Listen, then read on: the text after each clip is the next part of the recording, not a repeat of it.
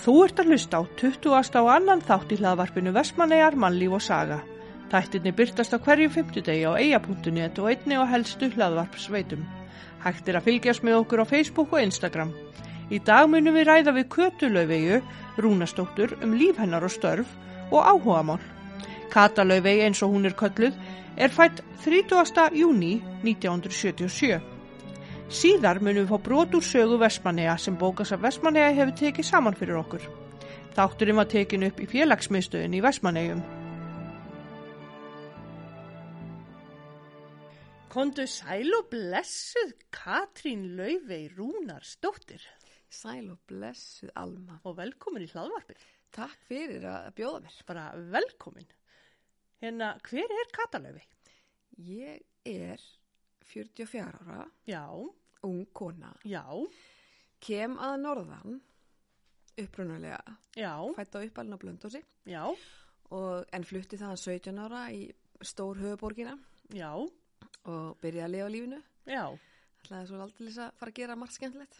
Og gerði það. já, En hérna, og fór svo má í kvöldskóla og svona, ég var svona frelsinu fegin eftir skólan. já, Þetta er, sérst, ég fætt 77 og það var ekkit svona eitthvað brjálu áhersla að- það var þá eitthvað með hugsunin að fara í mentaskóla að þá var það svona eins og bara að fara í háskóla í dag já, að í dag er mentaskóli bara eins og svo klára grunnskólan sko, einmitt, finnst manni sem að í dag hefði ég svo sannlega vilja vera búið með stúdendin já, en hérna ég er að vinna í því já, að klára það já, en náttúrulega búin að fara í skóla lífsins heldur betur með alls konar hluti já, og hérna alls konar námski og dótari og blei og eitthvað. Ég fór í nýja tölva viðskiptaskólan í Sölu Markasnum já, og það heitlaði mig mm, og hef eiginlega verið að vinna við það síðan já, eh, í svona alls konar myndum.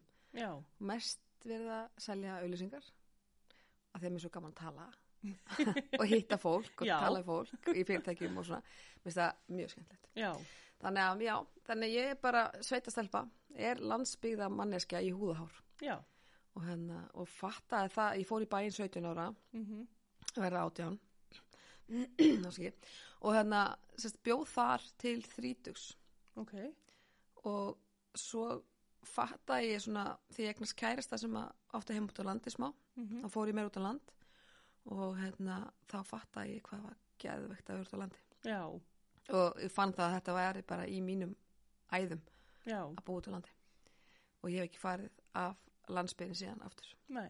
En hvernig endaður í Vestmanneigum?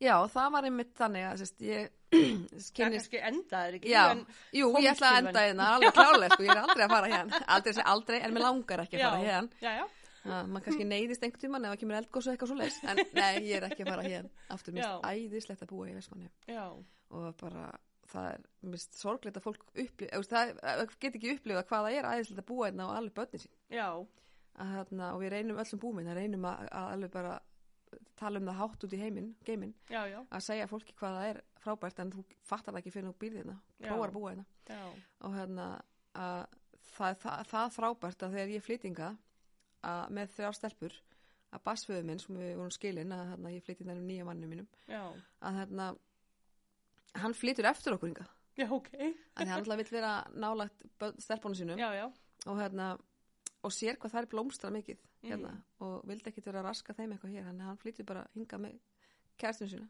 já, líka en þau eru enda flutt aftur í dag af því að þetta er náttúrulega já, já, 12 ár síðan eða, 11, eða 13 ár síðan já, og byggu þau lengi þetta? Herðu bjökunna í eitthvað svona fimm ár Já, ok, já, búa kólsvöld í dag þannig Já. að það er ekki, ekki, það er bara stutt að fara yfir einmitt, en já, ég flutninga út af því að fyrirvændi maðurinn minn kom hérna í e, fótboltan, sem Já. sagt í markið já, og ætlum við nú bara að vera eitt sumar já, eitt til tvö, já, gerð tveggjar samning með upp, uppsegjanlegu ákvæði sko eftir ár já, þannig að ég mér fannst þetta svona engin áhætta, alltaf örgulega fínt að vera hérna við sumar gatt tekið vinnunni mína með mér mhm, selt auðlýsingar bara hér sem var frábært en við náttúrulega heitluðumst svakalega af þessu hérna bara strax en fórum yfir veturinn sem sagt 2008 komum við hérna í sumarið fórum yfir 2008-2009 veturinn aftur Mhm. til grindaði ykkur og vorum alltaf svona hér með annað fóti samt já, komum svo aftur sumarið 2009 og fórum ekkert aftur já, ákveðum bara að vera hér en eh, Já. uh, það er fyrirvandi maður minn við erum skilin og í dag á ég annan mann, já, erfið, flókin mannesk en við Jón Helgi semst kynntist hérna líka og hann er svo sem líka hérna eins og fyrirvendur maður með grindingur já, sem fyndið sko Já, og, ok. lí- og líka markmaður já, okkur veist það geðveitt fyndið en hérna og við sérst en eh, líkt og ég og hann við erum bæði hérna í fyrirvendur maka sem að hann átti fyrirvendur maka sem byggu- bjó, er, er hér mhm, Vestmanni og hérna en við sérst erum samt hvort hér já, ok, en finnst æðislega að búa hérna já, og bara líður mjög vel hérna já, og eigum náttúrulega, við erum svona nútíma fjölskylda í dag eigum ekki bat saman nei, en eigum samtals sjöböld já, og fannst það bara alveg nóg já, að við erum ekkert að hérna, koma með fleiri Já. og við hefum alveg klárlega geta það við erum svo rosalega unga en já, já, þá en nei, nei, við hérna ætlum að býja til barnaböndunum bara já, og vonandi styttist í þau já, engin pressastelpur en, þarna- en, en þá verður bara fjör sem ætlum við að eiga barnaböndin saman bara já, Þannig, að- og það er alveg fjör ennþá við eigum eina yngsta í fimm ára já, ok, sem að nonni á, já, sem er hjá okkur í viku og viku já, og hérna elsta er 21 árs þannig að þannig þetta að er þetta er breyður hópur, breyður hópur, ólíkur hópur já, og hérna alveg frábær já, og það er ekkert smá gaman til þess að síðustu jólum þau vorum öll nema einn þannig að við vorum mjög mörg og það var mjög skemmtilegt sko. já, við vorum fleiri, fleiri klukkutíma að taka upp pakkana já, ég get trúa því, ógislega gaman þannig að það er hérna, mjög skemmtilegt að, Já. og bara gengur vel með að svona smyrja saman fjölskyldina já, Mhm. og já, það sérst gengur vel að að smyrja alla saman og, Já, og já. bara, þú veist, minna, eins og, eins og þú veist, við erum öll ólík, við erum Mhm. náttúrulega nýju samtals Einmitt. og hérna, og já, það er alveg gengið af ímsu, já, já, en á endanum þú veist, gengur þetta allt já, já, og hérna, við bara erum bæði við nonni erum bæði náttúrulega brjálað ávirk og, vi- þú veist, eða virk bara, þú veist, ég Já. að gera alls konar hluti en líka alveg, getum líka sérst nýra hlustað já, og hérna, erum bara, ræðum bara málin já, það er ekki mikið fyrir að æsa okkur og vera með eitthvað æðbinu gangskiluru einmitt, Þannig að okkar hérna, lausn er það bara að ræða mál. Já. Það Já. er, all, það er engin vandamál. nei, Það er bara lausnir á hlutunum algjörlega, og það virka bara vel. já, þú Veist, og á endan, það seg, sannleikurinn kemur alltaf í ljós. já, já, En ef maður er heiðalegur og, og hérna, sangan sjálf sér, einmitt, þú veist, þá er þetta bara þannig. þú Veist, og, Já. hérna, og við erum bara svolítið með það að leiða ljósi. já, Að hérna, vera bara reynskilin og heiðaleg já, og ræða hlutina einmitt, og reyna að koma að vera beinu baki. já, það er líka bara rosalega gott. Já, ég held það.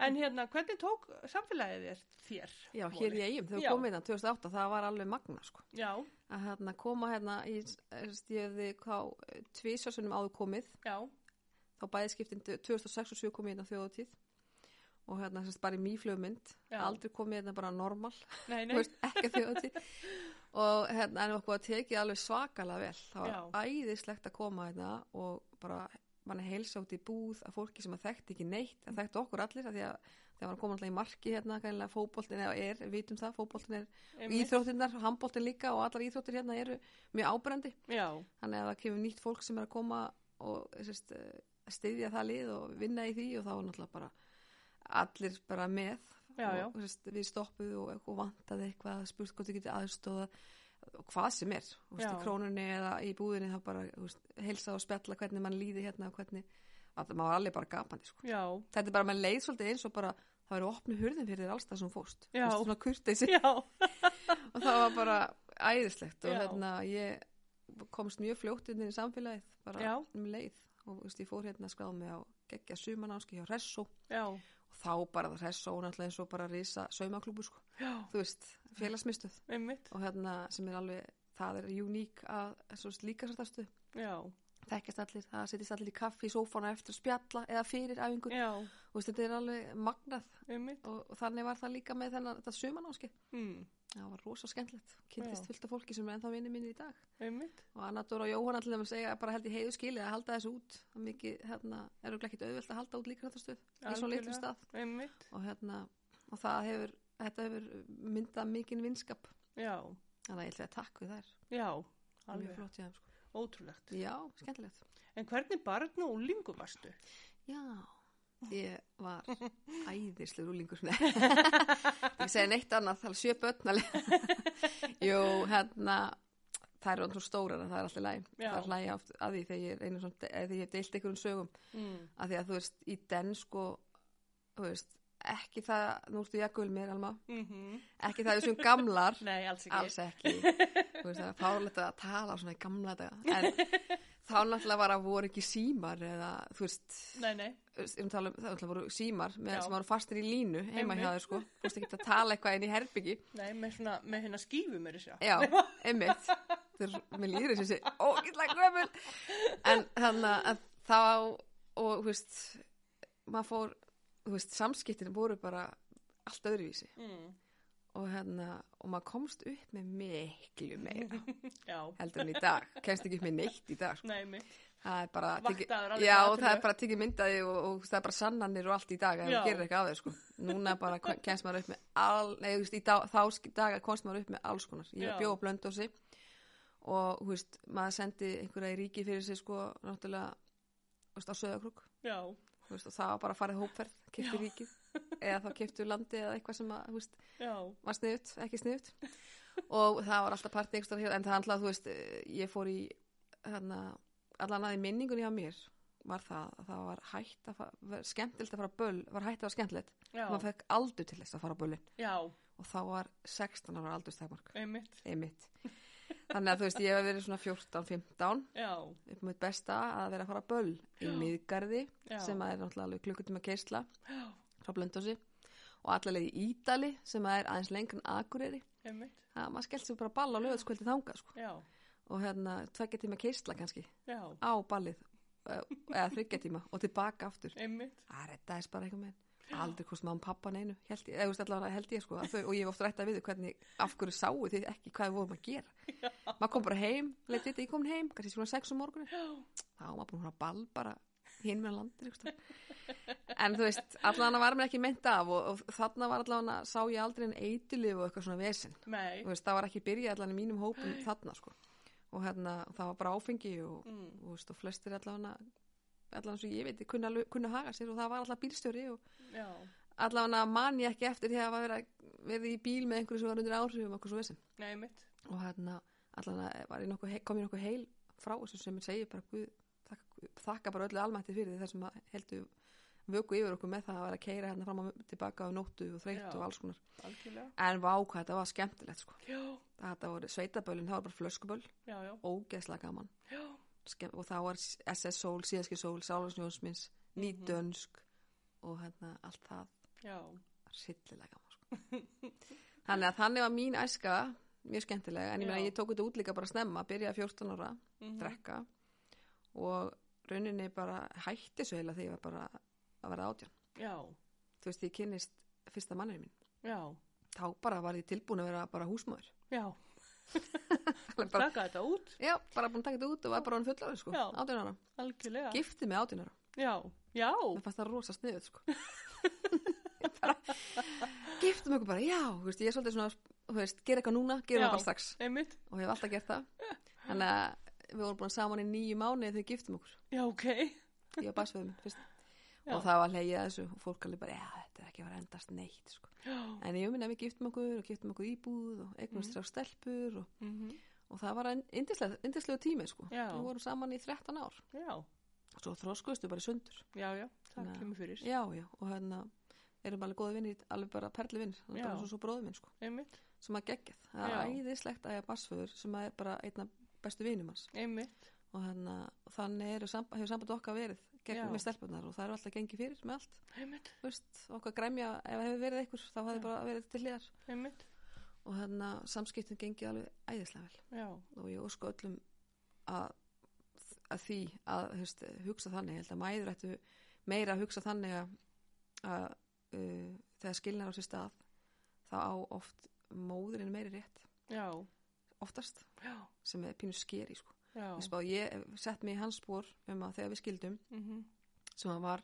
meira mín ósk heldur en hans já, og en þú veist, jafnaði sér fljótt og allt svo leis og sá það líka alveg eftir á mhm, að þetta var alveg rétta ákvörðunin en hérna að ég móður rétturinn þannig að ég fekk þú veist náttúrulega bara lögheimilið og hérna runni réði því bara hvað ég myndi gera ég myndi, þú veist, já, já, en okkar sammeilið fórsjá já, já, sem réði þessu ekki alveg en þá samt alltaf meiri, já, þú veist, réttur sem Já. að er ömulegt já, þó ég sé kona og allt svo leis já, já, en þú veist, hugsunin var hjá mér bara vá, ef hann væri með þær og myndi bara ákveða að flytja á Akureyri Mhm. og ég í Reykjavík einmitt. Ógislega, og ég ákveða að flytja til Vestmanna Já, en með hans samþykki, já, já. en þú veist hann gæti svo sem ekkert sagt, hann gæti ekkert malda í móum eða, þú veist, gæti ekkert sagt bara nei já. þannig að þú veist, það er alveg bara þetta er svolítið eh, umhugsunarvert þannig að ég, við settum þannig á að hann borgaði aldrei meðlag, eða þú veist, ég vildi ekki meðlag heldur Já. bara, deildu bara kostnaði Já, mitt. þú veist, og ég sagði við hann líka á tímbili að mér finnst til að frekar að þú ættir að borga ég ætti að borga þér Já, fyrir að fá að hafa þér, einmitt. þú veist Algjörlega. en hann, hann, þú veist, það, þann líka bara töluðu saman um allt Mm.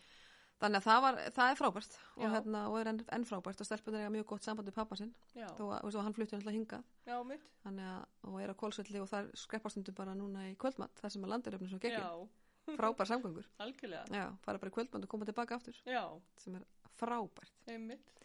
og hérna en í, í dag er, sérst, já, ég svo giftist ég upp á nýtt Já, en enda liði alveg tvö ár já, uh, eftir samband þar en hérna, og við eigum eitt strák saman líka þannig að ég á fjögur börn, já, þrjá stelpur og eitt strák já.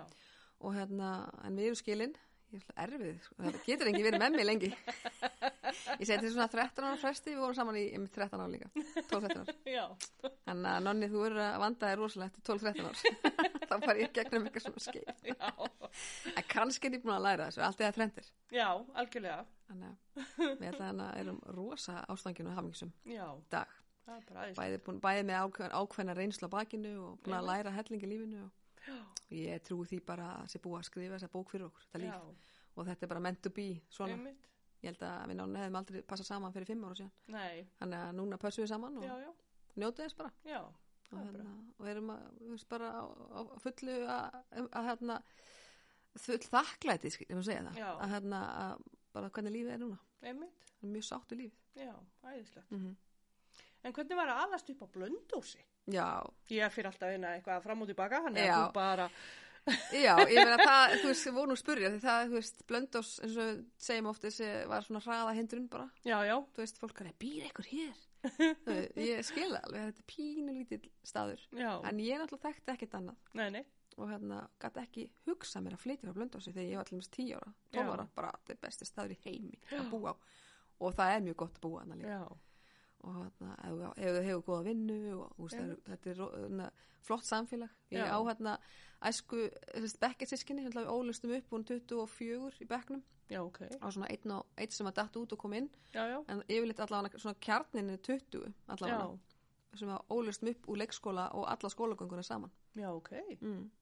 og hérna þannig að það er ennþá hópur af blöndósi sem er þar já, en því miður er ekki svona hefð eins og hér sem er fyrst æðislega í Vestmanneum svona Mm. reunion, já, hérna, fimm ára fresti bara hjá Á flestum landsmótin? árgöngum þetta, Já. er- þetta er ótrúlegt og vá hvað ég vildi að allir myndu taka þetta upp já, ég hef reynd að gera það með ok minn árgang sko en Já. það gengur ítla eitthvað minn en við minna Facebook í dag og, og, og hérna, samfélagsmiðlar hjálpa okkur að halda sambandi já, mitt, en, hérna, en annars er ekkit brjála samband en við, samt, þegar við hittum bekkisískinin já, alltaf ólustum upp frá í hvað 16 ár einmitt, saman, meira og minna og okkur líður alltaf eins og við séum bara sískinni já, og það er alveg fáralega skrítin tenging sem að tengi við bekkisískinin já. Hvað byggum margir sirka á, á hérna? þegar ég bjóð þar, það Já. voru svona 1100 manns Já, en núna held ég, ég er ekki viss, ég held að það séu 700 manns já, hann hefði verið svolítið stóra árgangur. já, og samt bara eitt bekkur þú veist? Já. það var eiginlega bara eitt bekkur að blönda sig en það, ég veit að um árgangu 79 mitt, það er eini sem ég man eftir sem voru tveir árgangur, bróðum ég Já, það það var tveir mjög bekkir, já. já. það var mjög sérstætt sko já, en annars bara einn árgangur og, og oft samið kennarinn maður svona man alveg eftir sem þrem kennarinn sem maður var með já, yfir höfuð bara, einmitt, bara voru bara, þú veist, já það var Mm. þannig að mjög skemmtilegt já, þannig að hérna það er alltaf pínu svona sérstök tilfinninga hérna því ég keiri, ég keiri aldrei beint í gegnum blöndós, ég keiri alltaf upp götuna mína, já, skoða og, og það er ennþá hérna, mann pappi fluttuð hann ég flyttið hann semst 94 mhm, og mann pappi flyttið hann 96 já, og, og hérna seldu hérna því Vilko manninum sem á Vilko já, ok, Vilko er að blönda sig, já, ef við það ekki Eh? ég veist það ekki. Nei, hefði, Vilko, ha, með hérna krydd og alls konar dæmi hérna líka Já. og hérna, sérst, hann sem á Vilko, hann Kári, hann kefti húsið af mann pappa Já, og við settum það skilir sko, að við fengjum alltaf að koma í heimsókn þegar við vildum að skoða hús okkar Já. Við veitum hvað, þetta er þetta æsku heimili Já. þú vilt bara geta, Einmitt. þetta er húsið þitt sko. Já, já, vilt geta farið á gæn þannig að við höfum eins og farið og hérna, kíkt á og kíkt á krotið undir glugg- gluggakistunni og svona, já, sem að hann lofaði aldrei að taka og er ennþá já, ok, þannig að það er rosa gaman að, hérna, já, að- þannig að það er svona rótgróið þannig að ég, mér þykir rosa vænt um blöndus það já, er alltaf mitt æsku að Einmitt. mínar æsku stöður algjörlega, þó að ég líti á mig líka sem vespaneng ég blöndarsingur og vespanengur í dag já, ég ætla ekki að stimpla mig sem, sem reykjum eða kópói sko, ég ætti heim í kópói já, eða þú veist, ég held ekki ég, hérna, þetta var svona frávík að- að vera í höfuborginni já, mæla ekki með því að vera þar. nei, er þetta ekki bara ofta svona, sp- eitthvað svona spenna hjá úlingum að fara í höfuborgina? Jú, svona rebel eitthvað Þú veist, Við bara, fórum mitt í nokkur ár og ég geti aldrei bara hugsað mér að búa þar í dag, sko. nei, ég, mér líður alltaf og maður- maður- þú veist, ég er ekki bara að segja þetta að mér líður alltaf vel að sjá höfuborgina í baksinspeklin þegar ég er Já. að keira út Já, ekki það að þetta eitthvað vont þarna nei, alls en mér ekki. bara líður, þú veist, í svona kaos Já, það er bara Mér ómikið líður- trafík. já, mér líður ekki vel í Já. kringlunni þetta bara sígur alltaf orku úr mér Já. þú veist, ég fyrir frekar í smálinni þar opnara en Já. þú veist, ég fyrir helst ekki neitt svona Nei, bara versla bara hérna heima Já, það er líka allt til hérna í versmanni já, það er líka bara uník, nú átti ég heima í grinda ekki smá tíma, já, það er ok, ég veit, nú vil ég ekki laska neitt sko. nei, nei, en þú veist, að því að grinda er svo stutt frá höfuborgin já, þá er örugglega- þá veist, það er fatabúðan og er eitthvað smá já, hana já, en þú veist, það er svo lít, með að við, með að versmanni sko. já, það er líka bara eins og koma til útlanda að koma til versmanni já. Nei, f- ég veit að fólk er mjög hissa þegar það kemur yngu og bara, Ah. hvað eru marga fatabúðir hérna? Einmitt, þetta það er geðveikt sko, úrvalið en Það það er var mjög flott úrval, Hérna Já, sko. og svo var einmitt að bætast við æsver sko, Einmitt, sem er alveg snild sko. já, þú veist, þau eru með bara alla með, all, þú veist, minna, við erum öll útvistafatna sem við Já, þurfum já. náttúrulega því við erum svo Já, duglega að lappa hérna já. út um allt en þú veist, þetta er bara uník og, og þú veist, bara ekki fataðslu heldur matsölstæðis einmitt, það er bara frétt sko, já, þú veist, af þessu þú algjörlega, veist, að vera með slippin og, og gott og þú veist, þú veist að pizza dæmið allt hérna og Já, já, já. eini pizza 67 á landinu einmitt, hversu geðvægt er það geta alltaf fengið sér va- hérna, flower power Já. hvernig getur henni Þú veist, það, það heitir en það var sama einmitt, þú veist, þannig að þú veist, þetta er alveg hérna, uník, já, geðvægt þú veist, maður getur endalaust, endalaust talað vestmanneðar með stjörnur í augunum já, og ég hét því þegar ég kom hingað að ég ætlaði ekki að verða samdönus af því ég var, þegar ég kom hingað þá var ég bara wow,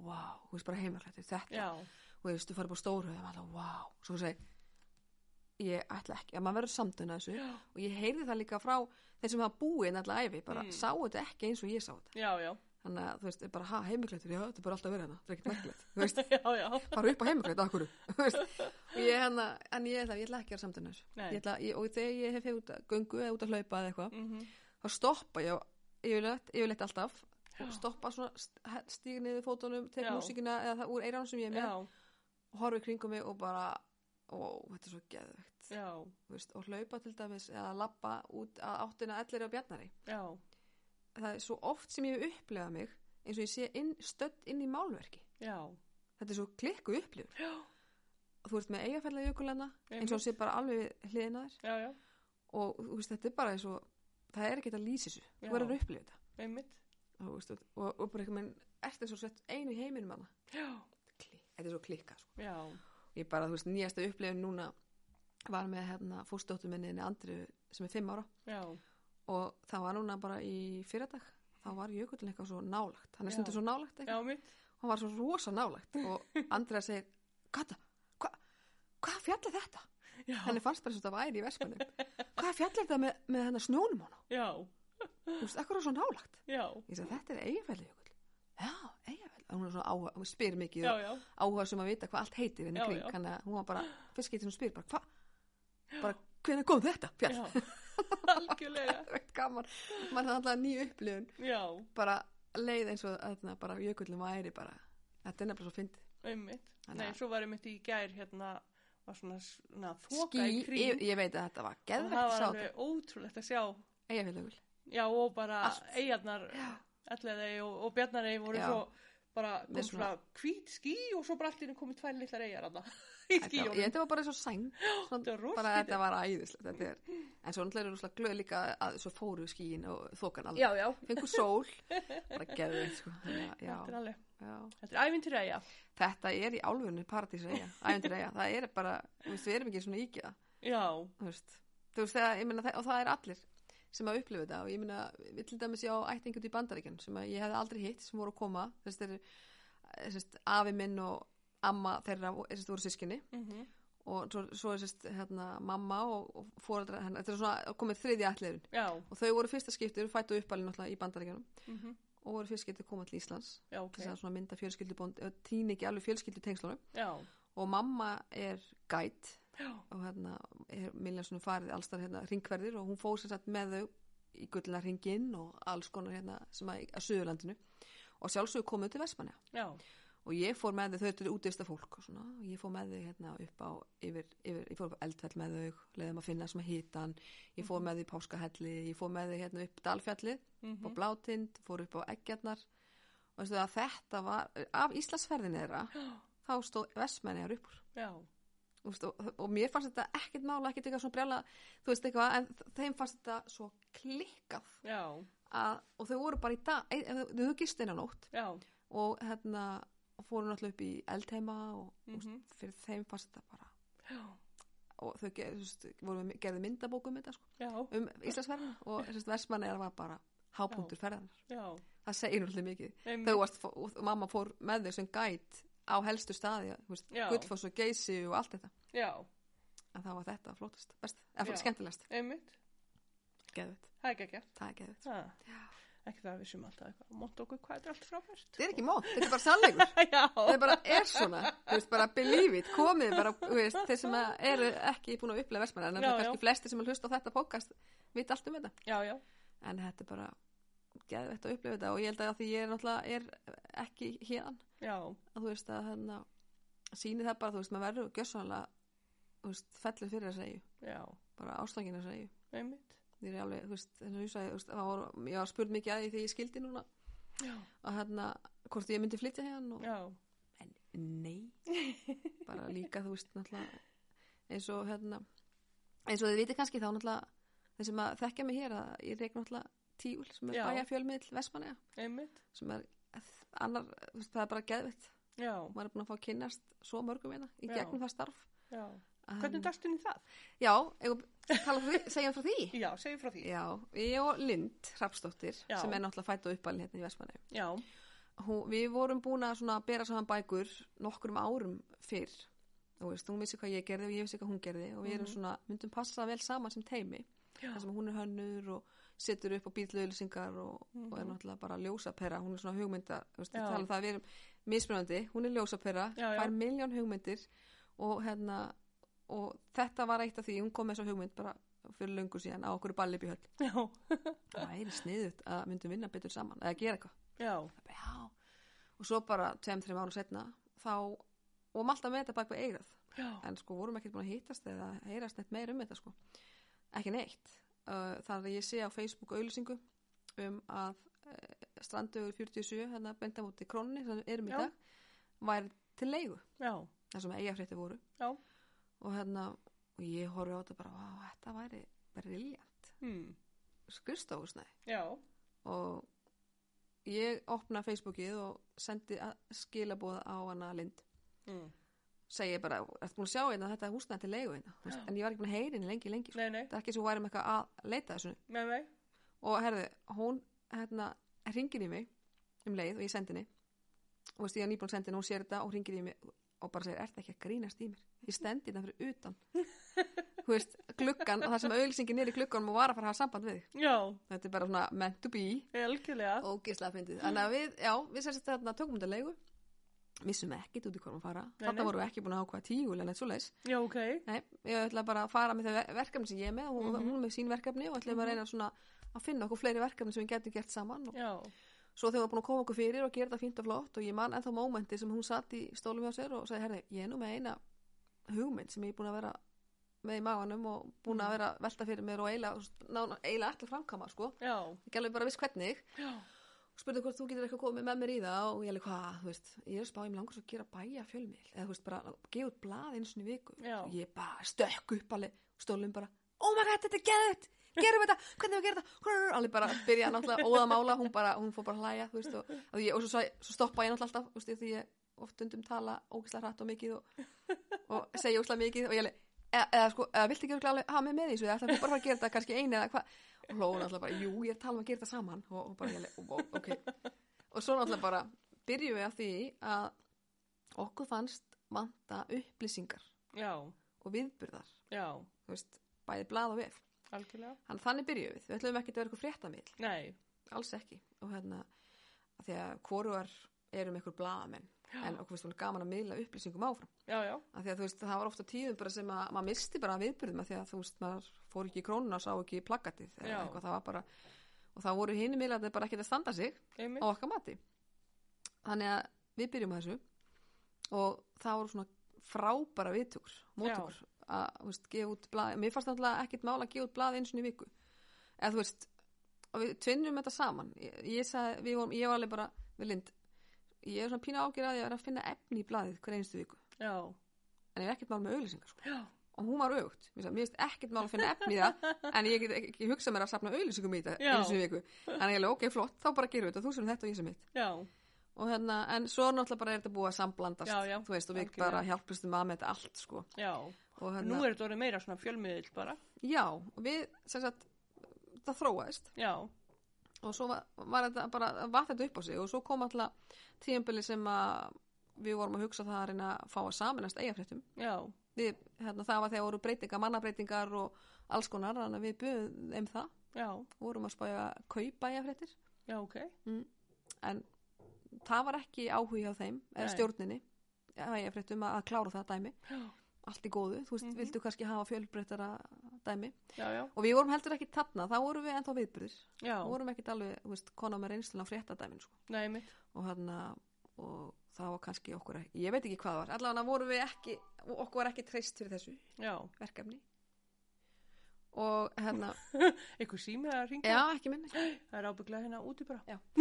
og hérna, en já, sérst, þá sem sagt, uh, vorum við samt búin að mynda hugmyndin í hausnum Mm. um ákvörðuna Já, um að breyta okkur í, eða verða fréttamiðl og taka við því, taka við eigafréttum, það ætlum við ætla að verða, þú veist, einmitt. bæjarfjölmiðl Já, já. bara, þannig að við hugsaum bara, ok, þá gerum við þetta bara sjálfur Já, þá bara breytum við tíkli í það, já, sem við gerum já, alveg, þú veist, við byrjum í uh, februar, mars, sérst fyrst og í september, sérst breytum við þessu yfir í já, fréttir já, og bara, svo er þetta bara að þróast og Einmitt. þróast og, og við erum búin að læra og læra og læra og læra og ég hef bara aldrei lært eins mikið á æfinni á Já. þessum tíma, sko. það er bara, vá wow, veist, í sta- með, bara frá stafsetningu upp í að tala meira, minna já, meira minna stitt á orði, orðin og Já. auðvitað, þú veist, ég segi Ómar Garðarsson já, já. gamli góði, hann er að reyna að hætta hann getur ekki hætt, sko, ég held að maður getur aldrei hætt í þessu, sko, Nei, hann hérna sem sagt hefur, var kom fljótlega til okkar með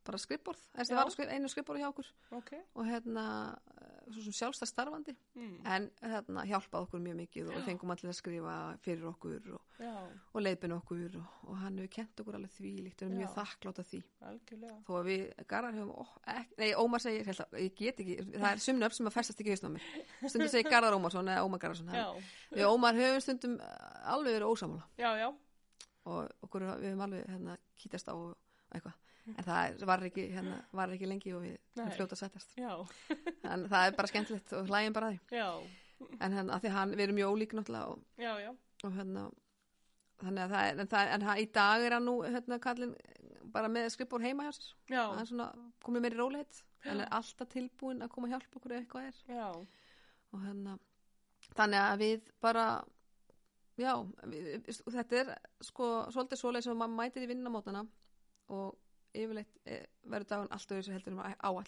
já, það er ótrúlega skemmtilegt já, við erum alltaf, við, við lindurum báðar mikið fyririldi mhm, og svona ú- bara úr einu í annað já, þú veist, og, og erum sem við, við erum yfirleitt alltaf með mörg verkefni í gangi í einu já, sem stundum er maður alveg orðin heila laus já, já, af því að þú veist bara minnið er farið einmitt, það er í öllum þessum verkefnum en, en það- við náum alltaf að klára þetta já, en við erum líka alveg farin að segja nei við þessum verkefnum af því það er bara ofhlaðið af verkefnum Já. sem er lúksusvandamál einmitt, og hérna, sem er bara frábært en þú veist, þetta er, þetta er draumastarf og já, að vera í vinnu sem að er ekki eins og að vinna sko. já, við erum bara, ég mæti í vinnuna og bara dagurinn flýgur áfram það er alltaf helgar, það er Já. alltaf þvælast fyrir með þessar helgar eða frítagar, hvað með þessar frítagar í mér í viku þetta er saman þetta helgum frekar, þetta er alveg en við alveg bara, það er skemmt okkur svo vel í vinnunni að, já, það er forréttindi að fá verið vinnu sem er bara áhugamál algjörlega Þú veist, því sem að hafa það, það er bara og ég mæ- mæli með því að ef þú ert í leiðinni vinnu mm.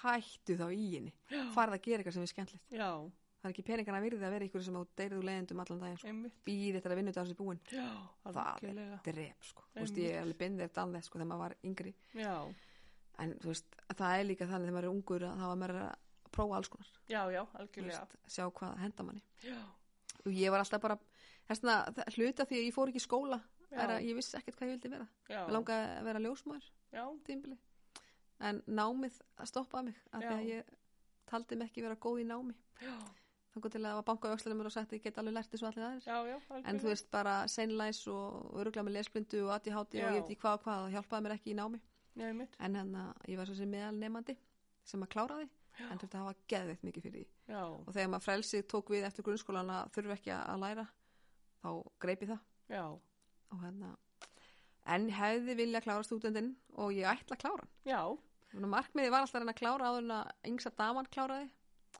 en hún á eitt og hálft ár eftir en gæti nú tafist að það sem hún er kannski fara mögulega líklega 99% að vera að klára gangafræði sem auper til bandaríkjana já, ok núna í ár æðislegt, já, vondinu mömmuna en gott fyrir hann já, það er gott, að- alltaf gott að vika sjóðundar í alveg frábært, hún er svona fyrirlega sem mamma sín og þarf að Já. prófa þetta Ég meina, ég fór til Þýskalands sem auper mm. í, hérna, fljótlega eftir, ég fór í skóla sérst eftir tíundvekkin já, og hérna, svona tilraunar starfsema blöndursi taka eitt ár þar já, í framhaldsskóla, svona Já. ángi út frá sögakrúk og ég settist að skólabekkinu og bara, ég trú ekki að ég sé áfram í skóla sko. mér leið bara eins og ég væri í tíundabekk áfram, já, sami kennari þú veist, sama fólkið, ég bara uh, þrjár viku búnar á skólanum mm. og hérna, þá bauðs mér þar út sem auðpeti Þýskalands, já, sem ég greip já, og þegar amma mín var þýsk já, ok þannig að, hérna, það er svona, þannig að mamma var með, þetta var sérst í gegnum svona vinafólk og eitthvað já, þannig að ég fór út og í þýsku skóla læri þýskuna úti já, og hérna uh, var úti í hálft ár ok var svo óþekki við send heim við erum ekkert nánorti það þú veist, ég meina þetta var alltaf bara þannig Já, að- já. Mm. þú veist, ég var hérna 16-17 eða eitthvað og byrjaði eins og segja að það var að djama þegar ég var 14 já, já, en sko 16-17 var stelpur úti í Þýskalandi já, þær voru enda að leika sem en Barbie sko já, Þú veist, ég var bara svona eins og 20-22 ára já, ung dama þarna, ekki 16 sko. einmitt Þannig að ég náttúrulega fór eitthvað svo djamið og eitthvað svona, það var ekkert velið, nei, týndist og eitthvað svona, og já, það var löggan og allt góði málið. Þannig að þetta var of mikið álæg fyrir greið fólkið að passa upp á mig. já, Þannig að ég var sendt heim. Það var alltaf læg sko. já, Ég fór heim og, en ég tók einhvern brjálaðan þorskakipp, þorskakipp úti. já, Því ég kom heim eftir þetta hálfa ár, þá bara átti ég enga samleið með mínum vinkonum lengur. nei fannst mér. já, Þannig ég fór þá í bæinn já, og kynnist fljótlega þar fyrsta manni mín, Já. sest, sem ég er búin að segja frá. já, Þannig að, já, mm, já, svona lífið svona lífið, svona fyrir mig, já, en við allan að lind erum ógslega sáttar, er, Já. vorum að tala um það eða ekki, Jú. konu eitthvað allt annað. En við, ætlum- það sem langaði að segja frá er að hérna, við vorum sérst að festa kaup á húsnæði fyrir Já. leturstofuna, sem er mjög spennandi. já, og má segja hvar Já, já, við, erum að, Spennandi. já, við keiptum hérna á Vespanabraut 38 já, sem að er núna starfsett, eh, starfsett lava apartments. já, Þetta var mjólkubúin, gamla mjólkubúin já, og verið alls konar starfsemi hana. já Við ætlum einmitt að reyna að gra- grafa upp sögu húsins, eða Já. sögu þessa, hérna, þessa, þessara húsnæðis já, og hérna væri gaman að hafa myndir og dótar ég upp á vegg frá Einmitt. því. Hvað finnst það, ég elska svona gamla sögu. já mér minnir, ef ég man rétt að þá minnir mig að hafi mitt verið ferðarskristóð Já, úr á lútsin var já, þarna, mitt, mjölkubúðin, alltaf aktíf hérna eftir íflutninga Já. var þarna, Karin og hérna, við kaupum um núna af Karin og, og honum Sæþóri. já, svo pó, nei ekki Pólei heldur hérna, Vúlari var þetta líka Já, dótabúð, Dótabúð, þannig að það er búið að vera alls það konar. verið alls konar Já, og hérna kjötbúð og okkar já ok, okay. eldgama dag, sko, það er búið Já. að vera rosa margt hérna geggjað þannig að já, við ætlum að hérna, svolítið að halda upp í sögu já, Þú veist, Þetta er elsku- skemmtilegt. Já, það verður geðvægt að hérna, gera það þannig að við erum búin að fengum húsnaðið afhend fyrsta júli já, og en ætlaði að búa að leiga það út Já. í, í hérna, gistingu alveg í júli og ágúst já og aðeins fram í september þannig að við erum að leiga því að klárast þannig að ekki að Mhm. svíkja fólk um það nei, nei, og, hérna, en við erum, sérst, verðum á gamla staðanum út september já ok og en í miðja september byrjuðum við aðeins að, að veist, ekki teka stórt, stórræði sko að það er bara aðeins að setja upp smá svona glerveggi og millveggi Já. og við erum, við ætlum að hafa fimm skrifstórna Já, ok. og hérna erum fjögur, Mm. Þessi, ég og Lind náttúrulega Mm -hmm. og svo er Sæþór Vító hjá okkur líka, Já. hann er bara verktaki að gera sína hluti og hann svipaður og Lind Já, þau eru mjög lík sko, svona bæður og róleg yfirveguð, það er frábært að vinna með að vinna við hliðina um allan já, og hérna, svo er hann Garðarheiða líka já. hann er hérna umbósmaður Vívilfell já, Já. og hérna, og er líka sest, eh, me- með vefsíðugerð og síðan vefsíður Já, og svona. já, þannig að þetta er allt svona svipum geir já, og hérna, svo er eitt einskjöfstólus já, sem við skoðum bara það er bara vel valið fólk sem að einmitt, svona, við erum, okkar ma- hérna, draumar eru að hafa þetta svolítið svona í okkar geira já, svona Þannig- mar, í já. margmiðlunar geiranum, Já, svona. þannig að við getum tekið á okkur bara hvaða verkefni sem er Já. og deilt á bara á milli þó við sem ekkit endilega vinna, við sem við getum alveg unnið saman öll. Já, já, Í, við getum gert henni hvað sem er, við getum búið, gefið út bækur, tímarit, Já. blöð, bæklinga, bara Einmitt. henni gert hvað sem er og svo náttúrulega, eins, með nýjaskustan ætlum við að hafa öll tækin okkur, við höfum alltaf tekið bara tækin eins og núna á ekki þjóðtíðan en gæslappa, við höfum Já, já. alltaf verið með þjóðtíða peysur, já, ja, Lind hefur verið með það alveg bara í mörg ár já, og hérna, ég kom með henni inn í það núna fyrir tveim ára síðan já, og hérna eh, og við ætlum að stefna á það að hafa þessar vélar allar uppi já, þannig að við getum bóðið upp á merkingar líka já, það er ekki ekki. Já, þannig að þú veist það, það og alls konar bara, þú veist og hvað veit meira sko. Einmitt. við erum alltaf með, það eru skrilján hugmyndir Já, í haustum á já, og, veist, og segi, Lind er alltaf bara ljósapera og með skrilján hugmyndir Já. Sæþór er alveg eins sko já, þannig að þú veist, guð minn góður bara, og svo bara framkvæmum við þetta já, þú veist, geggjað. þannig að já, bara mjög skemmtilegt þannig Já. að við erum bara, það er margt framöndan sem okkur langar að gera og við erum öruglega eftir að gera við algjörlega, erum bara, við erum bara rétt að byrja já. En svo ég komin aftur aðeins á spurningunum mínum. Mhm. Þannig að finnst þér eitthvað ábútavant í eigum? mm. já, já og nei þú veist, já það er náttúrulega eins og við vitum öll, þá væri náttúrulega við eigum frábært sjúkrós Já, og það er alveg hryllilegt að vera ekki með skurðstofan opna, Já. við erum með skurðleikn og svæðinguleikni já, þannig að við gætum hérna, fætt bötnin okkar hérna. einmitt. það er nefnilega frábært að Mm. geta fætt bötnin sinni hérna heima Algjörlega, og hérna, það er eitthvað sem að ég trúi að muni lagast, ég bara Mm. trúi ekki að, að landsbytin allir bara einókat allt saman mm. og það, það er brjála yfirfullt þar einmitt, og hérna, ég var nú bara að ræða við eina góða sem er, er sett núna á mándaginn já, og hérna blómstrar alveg ekki smá flott ólétt Það er hún hérna Hildur Solveig já, og oddviti sjálfstæðisflóksins og við vorum um þetta að ræða þetta já, það sem mamma hennar er ljósmaður einmitt, og ég var um að spyrja hana hvort að mamma ætlaði ekki að taka á móti já, en ég meina þú veist þetta er náttúrulega bara vandmið farið já, og hérna þú veist, auðvitað viljum við að bötun okkar séu alveg 100% örug algjörlega. og þú veist, það er ekkit grín að lendi því hérna á eigu Nei, að, að vera að fæða og lendi ykkur í vesinni einmitt, þú vilt geta haft skurstofu þannig að þetta taka Já. keisara á svona já, já, líka þegar tíminn kannski, já, tímaspursmáli er hver svolítið stórt. sekund að skipti máli sko. Einmitt, þannig að já, algjörlega. það mætti bæta heilbrískerfið hans hérna og það, Já. ég get ekki séð að það sé mikill kostnar við það Nei, þú veist, jú, minna kostnar við allt en Já, þú veist, já. ekki þannig með að við ferðalögin og kostnar sem að fer í það fyrir okkur að algjörlega, mæður að þurfa að vera upp á landi allan en tíma einmitt. þú veist, húsnaði og ég veit ekki hvað Já. og hvað. Já, Óþægilegt, og halda í rauninni tvö heimili ef að sko. út Já, ég með meina börn bara- heima já, og þetta er eitthvað bara- svona. Þetta er alveg bara mm. Mm fáralegt sko. Þannig að Algjörlega. við, ég er alltaf til í þá bár, bárát, bárát, baráttu, Já. segja, ef það þarf, Já, þá er ég sko til í að hjálpa til við það. já, Hvað sem er, hvort við þurfum að safna styrkjum í það, bara, Já. go, for- bara ekki málið, einmitt. að við rettum því. Já, þá ætlum ég að spyrja líka, Mm.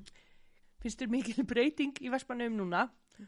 og þegar þú komst líka fyrst? Já, frá því ég kom fyrst, já. Já, Um, já, þetta er ekki náttúrulega bara að þroskast á þessum 13 árum já, að sjálf já, og hún skipti um mann. já, þannig jú, brjálu breyting en ég meina þú veist eh, því ég flutt inga þá var herjólfur að sigla til þólasamnar já, þannig þú getur ímyndaði að breytinguna þar já, en ég meina því ég, ég hef aldrei látið samgöngunar fara í tjóðunar mér nei, að því ég flutt inga þá var bara þau getið með sigling og það var bara þannig já, já, en náttúrulega geggjað að fá uh, landera já, það er luxus einmitt, og þú veist ég kvart ekki yfir því þó að hann þurfa að fara í þólasöfn einstakar sem ári já, og minnst orðið bara eiginlega aldrei núna það er bara búið að ganga rosa vel samgöngunar hérna þannig að auðvitað þegar flugi detta það niður þú veist, bara í smá tíma en nú er búið að laga það Mm. þannig Já. að þú veist, rauninni samgöngunar er æðislar já, þannig að breytingin er til hins betra mhm, öll breytingin er til betra, Já. bæði nýr maður og, og samgöngunar þannig að jú, það er hérna uh, fleiri matslustæðir Mm, þú veist, það, það er fjölbreyttara líf mhm. mér finnst hérna svona það er alls konar breytingar, bæði góðar og slæmar þú veist, Já. þú veist náttúrulega heilbrigðstjónustan ég gætt átt strákið minn hérna Já. 2012, Einmitt. það er ekki eftir dag þannig að það er breyting Já, þannig að þú veist, kostur og gallar það er alltaf kostur og gallar, já, já, alls um að hvað algjörlega. en, hérna, en allavega er ég persónlega á besta stæði bara í lífinu ever Já, í dag já, þú veist, maður, gang gegnum, maður gengur náttúrulega bara gegnum lífið með Einmitt. lærdóm og þannig að ég, ald, mér er aldrei liðið eins vel nei. þó ég sé ekki í besta líkamlega forminu ég hef verið í betra líkamlega formi ef leiðin þá gaftur en þú veist bara, nei ég er í bara mér líður rosa vel Já. að það er, hamingjan er bara forréttindi Já, og vera svona hamingsamir er bara klikka sko, já, ég mæli með því algjörlega. mm Hvena byrjar að vinna og, og hvar? já, ég byrjaði náttúrulega að vinna blöndösi Já, ég var nýjára, já, þá byrjaði ég að passa börn já, eða strák já, sem heitir Stefan og hérna hann var eins og hálsás og hérna ég fekk, var sérst að fóra út að leika með hann í svona Já. einu og hálfan tíma, tvo tíma á dag já, það var vinna mín og hérna ég fekk 4000 krónur á mánuð fyrir það, það var geðvegt mikið peningur bara þvílið sko þannig að það var ég alveg að vinna við í nokkur sömur að Já. passa hann og svo sýstir hann sem fættist já, og endanum með þess að fór ég til Svíþjóð, þau fluttu til Svíþjóðar já, og ég fór þangað út til þeirra líka já, ok. þannig að ég var eitt sumar í Svíþjóð Já, það var geðvegt mm, og hérna svo bara hef ég verið að vinna á mörgum stöðum þú veist þar sem að ég var að vinna í bakari ég var að vinna á sjúkurahúsi mm, uh, í fiski og svo var ég að vinna í banka já, þannig að maður þú veist, svona víða í bankanum Já. lærði ég mjög mikið á fjármál já, og mamma var að vinna í banka alla tíð eða útibúrstjóra blöndósi mhm, og hérna, þannig að ég er með mjög gott svona uppbeldi í fjármálum já, skil ekki að hverju ég sé ekki rík í dag sko. Jú, ég er mjög rík fjölskyldulega séð og hef það ágætt líka já, en nei, en, þarna, þannig ég læriði sjálf snemma að hugsa um mína greiðslinþjónustu sjálf já, sem að ég mæli mjög mikið með já, það er, mér finnst alveg galið að fólk sé í greiðslinþjónustu í banka og hafa ekki hugmynd um hvað símareikningunni hár eða Já. hitaefturreikningunni hár já, þú átt að vita í hvað peningana þín Já. fara ef þú hérna, virðir ekki peningana þína þá eignast aldrei peninga einmitt. þá eru peningarnir ekki að virða þig á móti Já, já, Þetta er svona setning sem ég fekk frá ömmu eða mömmu. já, Að þarna berðu virðingu fyrir peningunum. já, Þú veist, hafðu á sletta og fína í verskilinu, eða þú veist með peninga. Og, og, og hérna, skoðaðu í hvað þú eigið peningunum. já, Hverja einstu krónu. já, Þú veist, taktu alltaf stikkpröfur. já, Þú veist, í hvað það eigið það í búðinni. einmitt. Þú veist, að því að þú get, maður mað getur alltaf farið vel um peningar. Já, Maður á að fara vel um peningar. já, Þú veist, að leifa sér líka. einmitt. En hvað, veitir hvað ég meina? Ég, það, það er, Verður hérna, svolítið skynnsamur. já, Já, Þú veist, ég læriði að hverja einustu vinnu sem ég hefur í og ég mæli svo mikið með því að krakkar þarna, prófi að vera í nokkru vinnum já, nema bara þú veist, þú finnir eitthvað sem þú elskar út á lífinu Já, Ég- já. það er sko ég meina, að algjörlega. verður fjölbreytt ekki vera alltaf á sama stað, Já, þú veist mér finnst þegar fólk er bara, já, ég er búin að vinna í 30 ára á sama stað, já, ég hugsa alltaf bara uff, ég myndi aldrei að gera það að því þú veist að því hver hérna vinna og læri svo mikið ég meina, Já. þú veist, ég meina í bakarínu lærði ég að afgreða fólk og, og, og, og tjá mig og tala af fólk Þú Einmitt. veist, ég var bara krakki já, já, í fiskinum ég lærði, lærði ég að- var í, að, ég var í, sérst, í íslensk matalum Þú Já. veist, þannig að með lax og svona já, þannig ég lærði að þú veist, bæði að hérna, eh, aðgerð já, og pakka fiskinum og meðhendla me- matvæli og, og lærið það að ég, mér langaði ekki að vinna á þetta allæfi, já, þú veist, ekkit, þú veist, en, en þú veist, það er val hjá öllum að, hvað þið vilja, en þetta er eitthvað sem mér langaði ekki, mér langaði heldur ekki að vera ágjörslu í Já. að vinna í bakari og þegar ég hérna fór svo að vinna í bankunum, þá var svo mjög áhugavert já, og hérna ég var gjaldkýr þar og mér varst mjög áhugavert og gaman að ég ætla svo sannlega að vinna með meira þar ég ætla að fara í bara í þjónustu fulltrúan og mér langaði að hjálpa fólki og ráðleggja og, og svona en ég fór að eiga börn já, þannig að þá fór ég, hérna, fór ég að vinna bara í skúringa vinna kvöldin en á milli barnana já, þú veist, þannig að ég gæti verið heima borgaði sér ekki þá að hérna, fór út að vinna Nei. vera, með, dag- mér langaði líka bara mikið að vera með bönnum já, já, eðlilega. og það var fínt en hérna, svo sérst, eftir eftir barnegrinnar þá mitt þróast að bauðst mér það að fara í uh, að selja auðlýsingar já, fór að vinna í útarpinu já, og hérna fór FM 957 bylgjan létt, ég var að vera bylgjan létt 96,7 já, að hérna selja auðlýsingar þar. já, Það er einn skemmtilegsta auðlýsingarsala sem ég hef verið í. já, ok, og ég verið í mörgum sko já, og rosa skemmtilegt, það Já. er að selja svona leiki og sem er að selja loft Já. sko, Þú veist, það er að selja rattir einmitt, og hérna að búa til konu kvöld og já, geðu eitt kama sko. það var mjög skemmtilegt svona skemmtileg vinna já, svona fjölbreytt, já, þannig að Já, og svo hef ég bara, mitt, verið að, var ég að vinna á- á morgunblæðinu og þegar ég kem hingað til Vestmanni þá var ég að vinna þar og fekk að færa, flytja vinna minna hingað, já, að selja auðlýsingar áfram. Já. Bara sá hún svona serblu og svoleiðis já, það er mjög skemmtilegt og svo þróast það bara út í það að voru svo margir sem vildi fara að vinna eh, ekki á staðnum, heldur einn fór til Já. Flórida, annar, Já, kom, ok. annar komið til eiga líka já, og hérna, þannig að þeir eiginlega tók svolítið fyrir þetta hjá Já. lokanum. það var orðið mikið, það skrifst það var bara farin já, eitthvað. bara þurfti ekki þannig lengur að að ég, húsnaði, já, einmitt þannig að ég fór bara, var að vinna sjálfstætt já, og selja sérst, ölsingar í blöð og svona Já. Víst í sjómanablaði Viking sem er næst elsta sjómanablaði á landinu já, ok, 82 ára já, og hérna, eh, ég er ennþá með það og hérna, og hérna, sérst var bara með alls konar svona söluverkefni já, sá einhvern veginn um, um þjóðtíblað fyrir IBF, já, um sjómanadagsblað Vespanega mhm, og svona alls konar já, og hérna, eh, en svo var ég alltaf heima að vinna bara já, og svo fekk ég býr leið að ég var alltaf heima já, og hressu náttúrulega líka, var náttúrulega félagsmyndstöð mín já, já, en hérna, hann ég fór að vinna í Hamarskóla, já, sem var mjög skemmtilegt og vá, einmitt hvað ég fekk mikla nýja sín á kennara já, kennari er bara kennari, ég var ekkert að spá í eitthvað já, þannig. já, börnin mín búin að vera í skóla og stelpunna mín og svona já, og hérna uh, en vá, ég segi ég bara uh, það ætti að hérna, veita um rittara orðu öllum já, kennurum þetta er þólimaði, mesta þólima sem ég veit um ó já, Ég bara oh my god, já þetta er bara ég, veist, það er, ég veist, foreldrar ættu hver og einn ég myndi segja það til þess Já. að foreldrar myndu hérna kunna og læra að meta kennaran já, þeir sem kunna ekki, en Mhm. margir fóreldri kunna vel Já, að já. meta kennarana, en það er alltaf einna einu og einu sem er ekki að gera sér grein fyrir því já, að þeir ættu að vera eina viku já, með kennara bara sitja, vera stuðningurinn í bekk já, prófa Já. það, Ekki- eða eitt og daga jafnvel, væri já, nóg. já, og hérna sjá hvað að þólimaði og hvað kennararnir gefa mikið af sér mm, kennararnir hérna eru að alveg börnin okkar já, með okkur já, já, og hérna að það er rosalegt sko já, það er bara nokkur podcast þættir sem er hægt að tala um það þannig að þú veist fóreldrar, hérna, ég mæli með því að þið hérna, kynni ykkur betur ég er ekki að segja að við kun- að ég- þetta er alltaf erfitt að segja, það- það Mm. Já, halda já. flestir um að kunna þetta og ég held alveg að ég vissi allt um þetta þú veist, Já. því ég fór að vit- vinna sem rítari já, en nei, nei, nei, nei, nei, nei. ég hefði sko ekki hugmynd um allt, alla vinnuna sem kennarar og svo þegar verið að pyrrast út í því að kennarar fá frí í sumrin og eitthvað svona mm, ef að kennarar fengju ekki þessi frí eða þú veist, pása á sumrin og Já, já. jólinu þetta þá var ekki hægt að vera kennari nei, Nei, það er bara ekki séns Þannig að þú veist, þeir þurfa að fá breyk já, Þetta er svo mikið áreiti sko Ég myndi að vera bara með hérna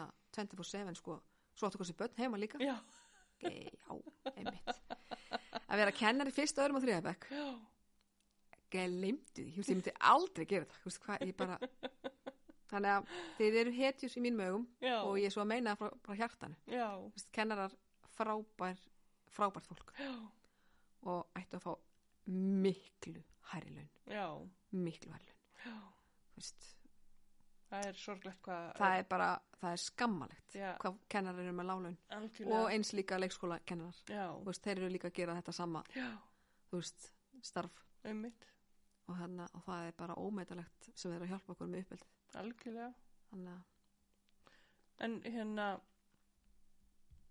hvað gerir þú þetta í gamans? já. ég ætla að ég er í vinnunum minni Já, þetta er gammans það er til gamans, en mér finnst, hérna, ég er alveg hlaupafíkil já, þó ég tekið alveg svona skorpur og pásur og eina milli já, en þá finnst mér, ég ætla aldrei hægt að hlaupa já, geðvegt að hlaupa og fara í fjallgöngur og hlaupa upp á fjöll, ég hlaupa alls það sem ég get hlaupið já, ok, Þú veist, því ég fyrir milli staða hérna í, þú veist, ég, he- mér, mér leiðist svolítið að labba sko, ég Já. er eiginlega skokk allt haldi allir þessi að flýta mér, nefnist bara leiðist að labba já, ég hleypi vilt alltaf því ég get og þannig að, og mér veist, skemmtilegast í heimu að vera í utáðalaupi og vera, Já. vera með einhverja, þú veist, ennju flotta hljón, þú veist, bara geðveika svona instruments hljónsveit, bara, þú veist, ekki, Já. ég get ekki þungar okkur eða eitthvað svona, nei, nei, vera með svona náttúrulega tónlist já, eða bara jafnvel ekki neitt í eyrun, Já. sko. og eða þá skemmtilegt podcast Já. Þetta- það er líka mjög skemmtilegt já, og Hanna, þetta er að hlusta á þig og Já, já, já, já, ég þurfti að hlusta með margótt en þú veist, að, og tala ekki um eins og ég er búin að tala um þetta með hvað það geggja að vera þetta í Vestmanni já, að þú getur bara tekið örfór skref þá ertu bara konund í brjála náttúru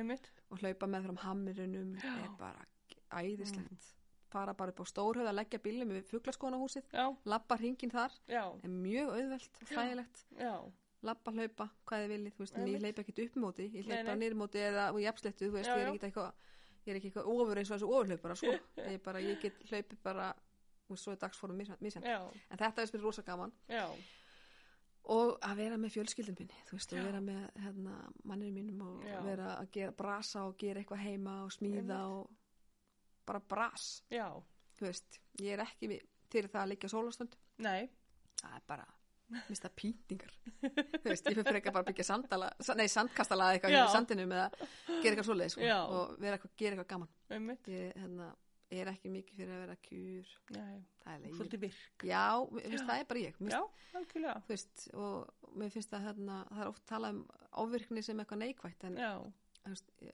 svo er ég líka fíkil þú já, veist, þú veist, mér finnst það líka um, það er neikvætt dæmi, það er oft fíkil neikvætt, ég, hérna, ég tel ég er með fíkil, fíkn já, og hérna, og fíkil þarf alltaf að hafa eitthvað, já, þú veist já, þannig að, þú veist, ég drekka ekki já, ég reyki ekki, mhm, alltaf engin eitilegu og eitthvað Nei, svona nei. Tek bara, ekki alltaf verkjalif, já, þú veist, bara er ekki þar einmitt, en ég meina, ég hætti að drekka 2014 já, af því mér fannst það bara, það var orðið og mikið já, að sull þannig að, en ég þurfti ekki að vera með eðferðan eftir þess áttar, Mhm. betur fyrr en ég gæti þá hætt sjálf, en ég þurfti alveg bara svona áttaði mig á því, þetta var orðið alltaf Já. mikið sull já, og hérna en, og reykja, ég hætti að reykja þegar ég var óleitt já, og það var ekkert mál en fíknin þannig, ég er bara með hlaupafíkn já, og ég er með vinnufíkn já, og ég er með, þú veist, ég þarf alltaf að beina fíknum en eitthvað, Já. ég, þegar ég áttaði mig á því já, að, þú veist, beina fíknin í eitthvað gott, já, þá er geðvægt að vera fíkil já, þú veist, það er ekki gott að vera fíkil í sigur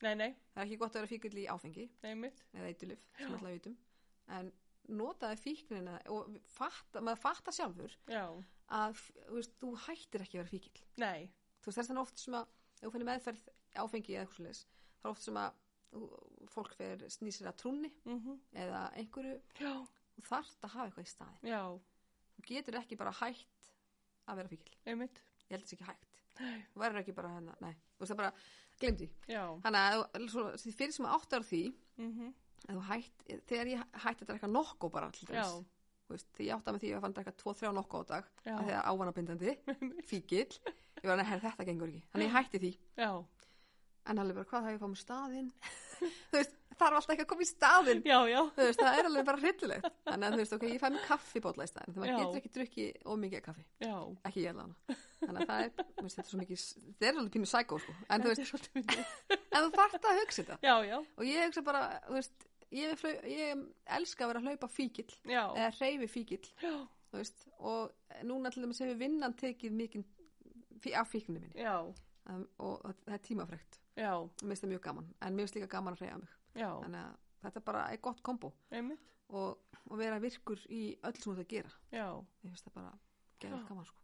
já, svo bara skelltu þið einu balli á, eða svona, já, já, Takk þú fyrir veist, já og tilviljun. nei já, við, já, en þú segir, við náttúrulega ég veit ekkit hvort að, að hérna, þótt við hefum ekki gert neitt kannski hefði það samt verið, já, en við vorum hérna bara þessi umræða var hérna góslokin já, og hérna, þá var búið að gera gósloka dagskona, klára og gósloka nefndi búin að vinna, þú veist, hörðum höndum að því bara síðan í februar já, og búið að bóka og búið að rauninni eigða, þú veist, fá ákveði budget einmitt, peninga fyrir þetta, já, búin að eigða þeim peningum Já. í þetta og ákveða já, þannig að það var henni ekki til króna til þess að breyta eða gera eitthvað annað nei, og það var bara þeirra hendur svolítið bundnar þau voru eiginlega bara í vand, eða svolítið vandræðum með það já, en voru byrjuð að reyna að leita allra leiða bara hvað getum við gert og hvernig getum við gert þetta já, í ljósi þess að, að sem sagt COVID var Já. svona aflétt, bara þú hérna, veist örfáðum dögum þú veist, Já. minna bara 27. júni og góðslokkin voru bara þannig eftir nokkra daga já, pínu erfitt að breyta okkur bara á Einmitt. síðustu stundu sko.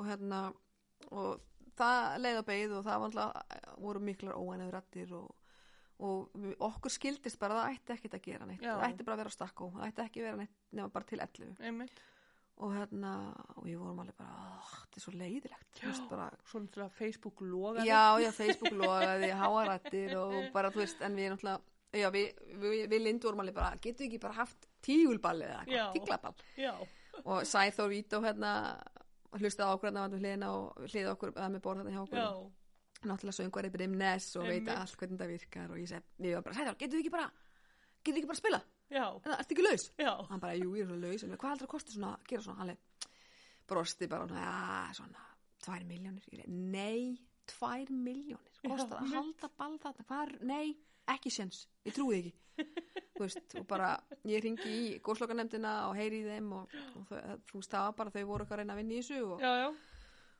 og þáðu bara alla hjálp já, um að við myndum kannski reyna að finna eitthvað út úr þessu með þeim og, hérna, og ég sagði bara hvað, hún sagði, það var alltaf að vandamáli var það að budgetið var búið já, og ég svo, ok, hvað, þú veist, ég veit að fyrirtækinn í bænum væri pottið til að við erum samstæð, hérna, samstæðan í Vestmanum er Já, þannig já. að það er allir til í að hjálpast algjörlega. það og hérna, ég sagði, við, við, það sakar ekki aðtuga Mm, könnum málið, ringjum bara í nokkuð símtöl mhm, og ég skal aðtuga hvort einhversu til að styrkja þetta bara hvað vantar eitthvað mikið pening, já, bara finnum út úr þessu já, og þau bara, "Ah, já, ok, já þú veist, og þau fóru náttúrulega bara á flug og bara, ég það þið rétti þá bara leifunum Já. hvort þetta breyta leifunum í þangað, þangað og færa hljóðkerfi, hvort að- þú veist, það var ekki búið að setja þau mhm, hvort það var hægt að láta það freka þangað og gera eitthvað og þau fóru í, í þetta vesinni hérna Já. ég fór, ég og Lind fórum í það bara að finna út styrtaræðala og ég fór í fyrirtækin já, og sem að tóku svona vel í þetta já, og við náðum að safna pening já, bara á núleitni ok, fyrir auka, auka kostnanum sem að varð til þess að færa þetta yfir já, sem var bara geggjað og hérna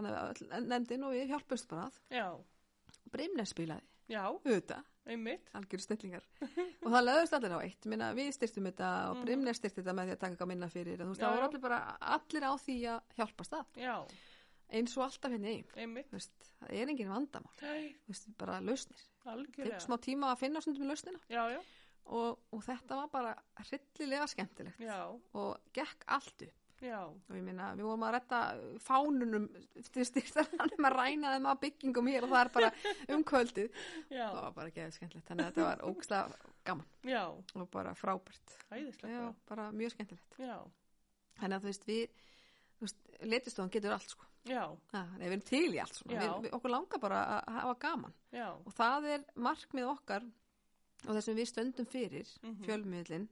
er að vera jákvæð já, við forðumst neikvæðar fréttir Já. forðumst að vera með eitthvað leiðindi einmitt, Þú veist, auðvitað þurfum við að segja frá bæjamálum og okkur Já, svona sem er svona pínu erfi máli eða eitthvað, þú veist, við þurfum alltaf bara að miðla öllu áfram já, já, algjörlega, og öllum frjálst að senda okkur greinar já, við byrtum allt já, sem að er með rökum stutt nema að segja eitthvað bara eintum þvæla og bull, algjörlega, þú veist, þá bara bendum við komandi á það, ef að- við erum bara aldrei lendið því já, já, en hann að hann að við, við hérna bara eh, viljum vera rödd fólksins já, og hann að þannig að alltaf móttækileg fyrir efni frá fólki já, og reynum, þú veist, við forðast mist, leiðilegst í heimi að segja frá okkur slísum og okkur Já. svona, leið, svona, nei, svona ekki neikvæð heldur bara svona Svona Ah, sorglegu leiðilegu og leiðilegu, Já, svona, þú veist, með eitthvað sem að finnst ekki endilega Já, sem að heima fær ekki- í almenning, þú Já. veist, þú lendir í bílslisi, já, ég hef sagt frá því og mér Já. leið bara illið því, einmitt, langar ekki að segja frá þessu, já, þú veist, þannig að, þú veist, en þú veist, þetta eru frétnir sem eru mest lesnar, já, já, fólk sækir í neikvæða já, og dánafréttir og Já. alls konar svona þetta er bara langmest lesnu fréttir fólk, lesið skemmtilegur hérna já, mér er skemmtilegt að segja frá bara lífinu og dælu og sem Já. er svona oft, kannski þarf ekki endilega að segja frá en bara gaman, einmitt, og, veist, og og brottfluttir eiga menn elska það, já, þannig við bara förum og röltum bæinn, tekum myndir og gaman og segja frá hvað, lífinu algjörlega, og hérna í Vestmanni já, og reynum að hafa þetta skemmtilegt já, reynum að sjá jákóðu punktana í öllu algjörlega, Þó að sé pínu erfitt núna, það er miðugudagur, hvað dagur, miðugudagur, er fimmtudagur, fimmtudagur. oh my lord, það er fimmtudagur þjóðatíð sko. já, Þetta er en rosalega þú sagðir á hana að hérna letustofan geti retta öllu, geti ekki bara retta þessari hjóti, skemmtilegt. Jú, eh, þannig að nei, það er ekki, það er heimsfaraldur og ég geti því miður ekki nei. retta neinu svoleiðis. En maður getur reynda bara að hérna létta lundina og Já. við einmitt í hérna, ég er að hjálpa til með gufuna, Já, útastöðuna og hérna einmitt. Það Við er ákveðum bara að halda okkar strikki og hafa þjóðutíu útvarp. Já, mér finnst það frábært. En það er nú bara svona til að letta eins lundina. Já, það er fullt, ég er búin að heyra það, það er fullt af fólki já, sem að ætlar að hafa heima þjóðatíð, Já, sem já. er bara í sinni bublu, þú Já. veist, og fólk á bara að virða það líka. þú veist, algjörlega. að eh, vonum það að það sé ekki margir sem ætla að koma og vera að labba á milli, þú veist, Já. nema að vera bóðinir. Einmitt. Því ég held að fólk þurfa að virða það, þú veist, eins og við fjölskyldan erum að halda okkur bara Algjörlega. saman og, og hérna, þú veist, við, með hana, annað kemur í ljós upp á, Já, kannski þurfum við bara öll að smita staðar sem að veru til Já. þess að komast yfir hana. já, já, en þá viljum við nú að allavega að það sé komin einhver reynsla á þetta bólefni upp á börnin okkar Já, algjörlega. Þú veist, ég var nú bara til dæmis að setja fréttin rétt á hann kom hingað um að það er komin hópur kvenna Já.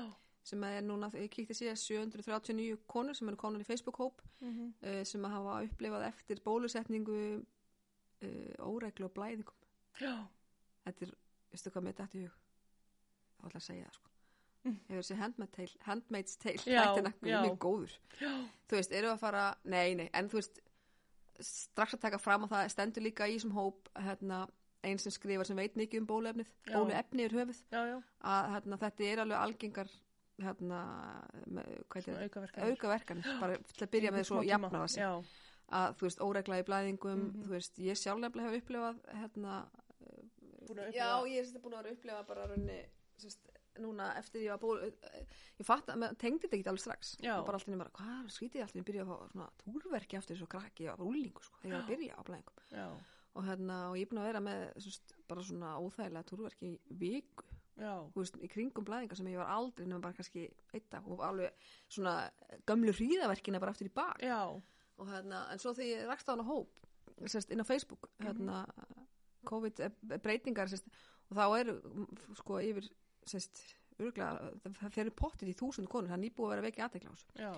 Að hérna, mjög margar sem hafa upplifað alls konar sumar hafa verið á blæðingum í, í mánuð, Mm -hmm. sumar hafa ekki farið á blæðingar síðan, Já. það er alls konar Já. þú veist, bara pínu skeri sko. Já. en við skulum vona að þetta sé bara tímabundið þannig að engin reynsla komin á þetta, við erum öll bara ný bólusett Já. þannig að vonandi er þetta bara aukaverkefni sem að eru og það er eins sem að skrifa þarna grein inn að, að þetta er alveg algengt eftir bólusetningu Já. bara yfir höfuð á flensu líka og alls konar Einmitt. og hérna geta komið svona aukaverkefni og Já. náttúrulega bara eru náttúrulega verið að bólusetja alla þannig að það er ekki skrítið á þetta sé stór hópur Einmitt. þannig að skulum nú vona að þetta fari nú ekki að uh, valda einhverju ófrjósemi, einhverju svona bulli Já, mitt. það er þann Algjörlega. hræðsla í hópnum Já. yfir því Já. þannig að við, það eh, fer núna að koma undirskriftalisti Já. sem að hérna, uh, konur eru hvætt að skrifa undir þannig að landlæknir fari að rannsaka þetta Þú veist, Já. bara að taka rannsókn á þessu Já. skoða hvort það sé að hafa ykkur aflengar Einmitt. sem við vonum ekki Já. Nei, Bara- ég hef alltaf verið mjög heitfeng, sko. mm -hmm. En svo fann ég mitt þegar ég var, að- bara fann að bara líka við leið og að ég fekk efni í mig já, og þá hækkaði hittast í líkamunum hjá mér líka hjá mér og ég er bara að kapna úr hitta alla daga. já. það er bara líka, líka hjá mér ég fann bara hitan í hendinni og Já. upp í háls og, niður. og ég er einmitt bara brjálaðan fótapyrring og brjálaðan hit í fótum Já. það er alls konar svona Já. skulum vona að við þurfum ekki að lifa með Nei, þessu nei. skulum vona að þetta bara fari en ég meina þetta er eh, eitt annað þú veist, Já, þannig, já. en við hérna, þjóðtíð eða þú veist, Vestlunarhelgin Já. við segjum alltaf bara þjóðtíð Já, já. er að byrja í dag Mm -hmm. og hver veitnum að verði vitavíksla eða alls konar, hver veitnum að verði brenna Já.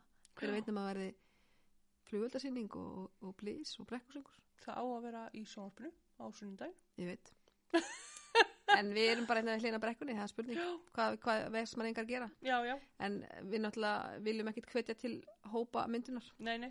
þannig að við förum eftir reglum Já. en þannig að vonandi getum við gert það best úr þessu. Já. og það er því það verður, verður örugglega svaka fjörina um allan bæ Algjörlega. við, reynum, við tígulli reynir eitthvað aðeins að kíkja á það Já. en svona í fjarska, Já. til með ekkert að fara inn, á, inn í hópa Nei, nei. ég, er- ég, við erum öll að halda fjallaðinni Já. og svo er náttúrulega svo er nú bara gaman að segja frá því að líka að fyrsta skipti sem við byrjum á þessu þá er tígull að fara í smá frí Já. ekki, ekki samt vefurinn Nei. tígull er náttúrulega búndur í þessi Já, já. alltaf í fullu hjöri Já, já. bara, og maður er alltaf með putan púlsinum alltaf Já. en blaðið okkar kemur næst út 1. september Já, ok. þannig að við þjóðtíða blaðið Já. komum út núna og það verður, var síðasta blaðið í, í, í, í, sen, í núna Já. verður ekki blaðið í ágúst Einmitt. ætlum bara að taka smá pásu Já. anda Einmitt. og hérna, en segi, við verum náttúrulega ef þið hafið eitthvað frá okkur skemmtilega að segja Já, já. við erum duglega að senda okkur, þannig að við ætlum að reyna að taka smá frí Já. það er mjög erfitt þegar út með fjölmiðl að taka frí Já, það algjörlega. leysið er lengin af, sko, Nei. og erfitt Já. við þurfum bara tvær, Já. en þetta er eh, erfitt en á Einmitt. móti hryllilega gaman Já. og bara, maður langar ekkert endilega í frí en við erum svona pínu okkar að fara í frí Já, já. Að bara, Það verður að taka líka já, smá frí. já, að Það slaka bara aðeins er alveg svo leys. pöndum gott veður og Já. það eru ógislega gaman, Já. ógislega gaman En ertu prakkari? já, já, Já. jú, jú, ég er allan að mest í mínum nánustu bara Já. þú veist, alltaf að bregða, þetta er típiska bara Já. alltaf að gera eitthvað svona, gorma linga eitthvað, þú veist, pappi er sillilegu vinnuprakkari, alltaf að gera eitthvað prakkast ekki vinnu og hann, hann hættur að vinna en ég svona, Já. gert eitthvað smóttir ís jú, Já. jú, maður, ég elska allavega að vera vitna prakkarstökum Já, en hvað er staðista prakkarastriki sem þú hefur gert? um, það, það er örgla sem að hérna svo sem pökkum eins og þetta er skrifstofunin í álpapir hjá henni þú veist, í vinnunni, það var ógisla fyndið sko.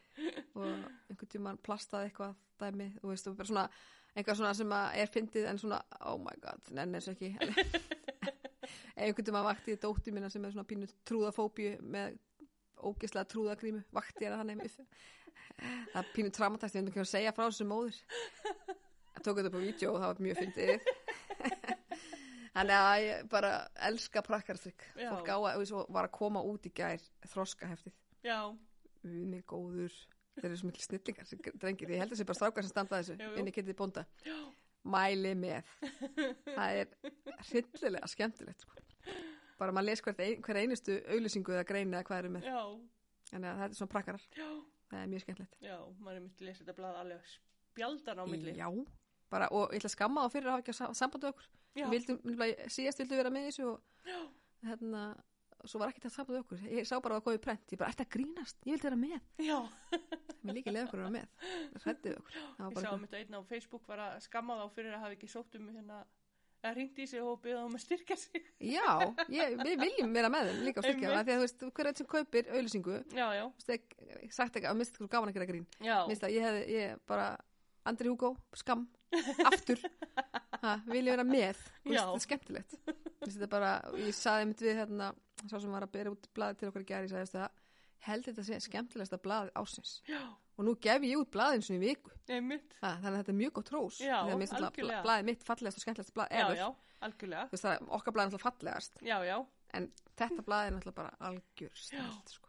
og vekur kátínu og, algjörlega, og eins, og, eins og þeir segja sjálfur, það er bannað að lesta með einhverju fílu og gaggrinni einmitt, þetta er allt grín og djók og ef þú tekur ekki djóki þá er bara eitthvað að einmitt, þá þetta er getur bara, já, sleppti ég að lesa bara Mhm. já, ert þú ekki að lesa, bara algjörlega, gleymdi gerð eitthvað algjörlega annað en svona í lokin ertu með ykkur að sögu handtókur já, bara hérna eða þaðan eða Mm. eitthvað ég veit ekki alveg Nei. hvað er bara eða bara Svo- ykkur loka já, bara, þú veist, það sem að mér langar að mér láfram bara, eins og ég hef sagt að hérna, uh, að taktu ekki lífinu alvarlega já, og, og reyndu að, að, úst, og það sem að við vitum að að maður er komin svona miðjan aldur miðjan aldur að lífið er ofstutt já, til þess að eigða því í eitthvað drama og algjörlega leiðindi já, þú veist, reyndu, utak, lendu við í ímsum sorgum og, og leiðindum og alls konar, öll, já, þú veist, þú kemst ekki frá því nei, nei en hérna reyndu að ve- gera allt með gleði og jákvæðni, þú veist, það er bara svo miklu skemmtilega að algjörlega, vera jákvæður og vera reynskilinn já, og eða upp að vissu marki náttúrulega, maður Einmitt. verður að passa sig en að vera, sérst, góðu náungan já, þú veist, rósaðu meira einmitt verður duglega að rósa og þakkaðu fyrir, hérna krökkunum sem er að afgreða í krónunum og bónuslitum já, smá duglegi krakkar já, og þau og segja alltaf góðan daginn og Já. takk fyrir og eigið góðan dag þú veist, myndu að þakka fyrir og segja eigið góðan dag sem er leis algjörlega þú veist, það er ekkert leðilega heldur en að þú veist, bara uh, vera, vera hennar fúli smúli sko. einmitt, þannig að við erum hress og kátt uh, við ráðum ekki við þennan heimisfaraldur nei, nei þetta er bara eins og þegar eldgósi var hér við, já, já, þetta er ömulegt og leðilegt Já.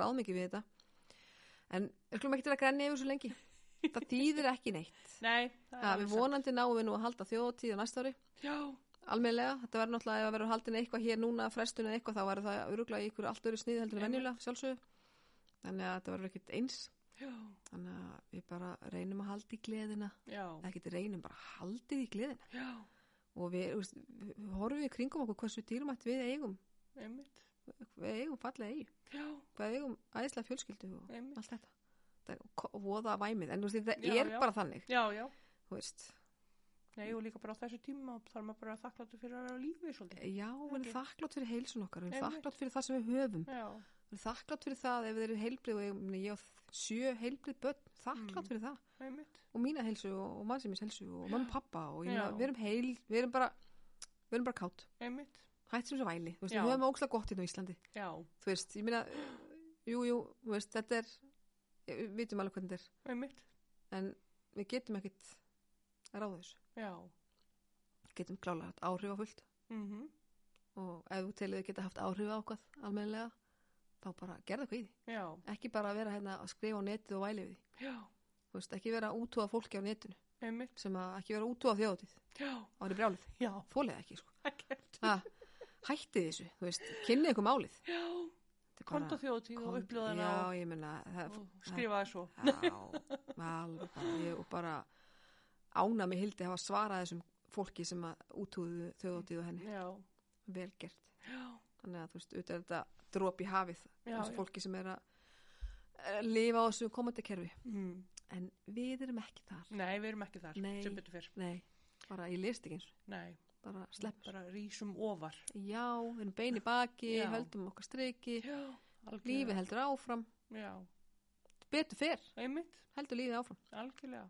og, hana, og ég ætla bara að segja gleðilega þjóðatíð hún Já. er alveg sem að hún sé ekki í núna Já, hún, Hún er verður- alltaf í hjertanum. hún verður í hjertan okkar Algjörlega, og hérna, við höfum æðislega helgi með Já. okkar nánustu bú Mm. búblu fólki já, bara njóta lífsins, já.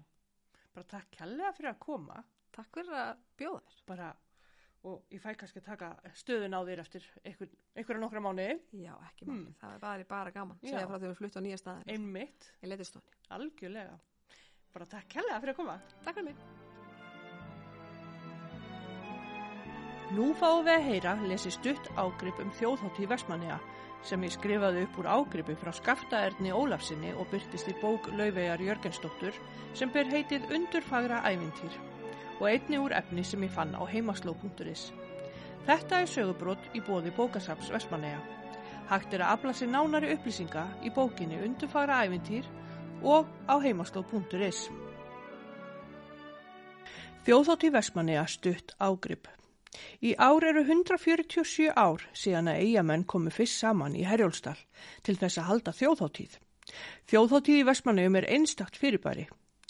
Fyrst var haldin hátíð í Herjólsdal árið 1874 til að fagna þúsund ára ammali Íslandsbyðar. En þá fengu Íslandingar jafnframt afhend sína fyrstu stjórnaskrá úr hendi Danakonungs. Um allt land voru haldnar þjóðháttíðir en það voru einungis eigamenn sem að heldu fast í hefðina og heldu áfram hátíjarhöldum í Herjólsdal næstu árin. Þannig varð grunnurinn til að þeirri hátíð sem við þekkjum svo vel í dag. Af hverju í Herjólsdal? Undir fórustu Andreas August von Kohl, oft nefndur Kaftet Kohl, var stafrækt herfylking í Vespanum á árunum 1853 til 1869. Herfylkingin var kröftug í félagsstarfi eigaskeggja og hjælt jafnan hvítasunnu og sumarháttíðir í Herjólsdal. Líklegt er að skemmtanir fylkingarinnar hafi orðið kveikjana því að þjóðháttíð var síðar valinn staður í Herjólsdal. Fyrsta þjóðháttíðin var haldinn sunnudaginn 2. ágúst árið 1874 í Herjólsdal. Þá mættu í dalinum 400 manns um hádegispilið, reistu tjöld við söður hlið tjarnarinnar og hlóðu veisluborð úr torfi og grjóti vestan við tjálbúðinar. Tjöldin og herjólstis voru prýtt fánum og borðum. Þorstein Jónsson flutti minni konungsins og var eftir það hlift af nýju fallbissuskotum sem bergmáluðu vel í fjöllunum í kring. Að því loknu fluttu Sera Brynjólu Jónsson minni Íslands og Þorstein Jónsson flutti minni Jóns Sigurssonar. Borða var vel og kaffi drukkið og upp frá því hófst dansleikur undir berum himni með söngli og tralli sem stóð fram undir miðnætti. Ölfun var að sögn viðstatra lítil og fór allt vel fram. Eftir þessa fyrstu hátíð var hún haldið nokkur sinnum í viðbót í þessari mynd, en þá yfirleitt um miðjan ágúst. Þjóðháttíðin hefur verið haldin árlega frá árinu 1901 að styrjaldra árunum 1914 og 15 undaskildnum. Árið 1911 heldu eigamenn þjóðháttíð til að minnast 100 ára fæðingaramali Jón Sigurssonar og var hátíðasvæðið í Herjólsdal sérstaklega vel skreitt blómsvegum og fánum á þessari hátíð. Hvernfélagi líkn ásamt knaspunnufélagi Vestmanneja stóð fyrir hátíðinu fyrstu árin. Fyrsta fórstjóðatíðin fór fram árið 1916 og á þriðja áratug 20. aldar hófu Íþróttafélagi Þór og knaspunnufélagi Týr að halda hátíðina til skiptis. Þór á sléttirtölu og Týr á ottatölu. Félögin keftust við að gera þjóðháttíðina sinn glæsilegasta og lögðu oft og tíðum mikið undir enda félagsstarfi reki fyrir ágóða þjóðháttíðar næstu tvö árin og eftir. Þessi samkeppni á milli félagana var til þess að þjóðháttíðin þróaðist í að vera einn glæsilegasta útiháttíð landsins ár hvert. Félögin Týr og Þór voru lögð niður í áslokk árið 1996 og félögin saminuð undir merkjum IBVF. Frá árinu 1997 hefur IBVF staði fyrir þjóðhóttið í Herjólfsdal. Darskráliði þjóðhóttiðar. Á þjóðhóttið hér áður fyrr var mikið um keppnir í allskins íþróttum. Um 1901 hafði hátíjarhaldið þróast á þá leið að kappróður var orðin eitt dasgráliða. Eftir kappróðurinn var gengin skrúganga inn í dalinn og hann skreittur. Flutt minni konungs, Íslands og Vestmanneja og hófust eftir það íþróttaviðburðir, glíma, kapplaup, langstökk og fleira. Hefðir sem eru einkennandi fyrir þjóðháttíð í dag eru nokkrar. Frá árinu 1933 með hljöfum þó hefur nýtt lag verið samið og gefið út undir merkjum þjóðatíjar. Þannig hefur hvert lag sett sterkan og einkennandi svip að hátíjarhöldin ár hvert. Lagið hefur verið gefið út um mitt sumar og ríkir almennt mikil eftirvænting og spenna eftir því að fá að heyra framlagið. Tilhlökkun ríkir ekki einungis yfir því að vita hvernig lagið hljómar, heldur einni hverjir séu höfundar þess og flytjandur. Bæði eigamenn og tilvonandi þjóðháttíðagestir keppast þá við að læra lægið svo hægt sé að taka undir í dalnum. Kvítutjöldin Mest ábyrrandi siður og orði enginni þjóðháttíðar eru kvítutjöldin sem röðið eru upp í götur. Fyrsta hústjaldi virðist hafa komið til sögunar 1908. Hústjöld fóru að vera ábyrrandi um 1910 en voru ekki raðað upp eftir neinum sérstöku skipulagi eins og þekkist nú. Brennan Brennunar á fjósakletti er getið fyrst 1929 en varðeldar hafa týðkast í smæri stíl nokkru fyrr. Þó er vitað að engin brenna eða varðeldur var fyrir 1908 þar sem spíknabrak fannst ógernan á víð og dreif þá eins og nú. Timpur var munaðavara sem varð að nýta sem allra best. Flugeldasýningin Þegar árið 1903 eru nefndir flugeldar. Gísli Jó Jónsson sá um framkvæmt flugeldasýningar fyrstu árin. Bjargsíð Bjargsíð er fyrst nefnt 1920 og hefur verið fastu siður síðan.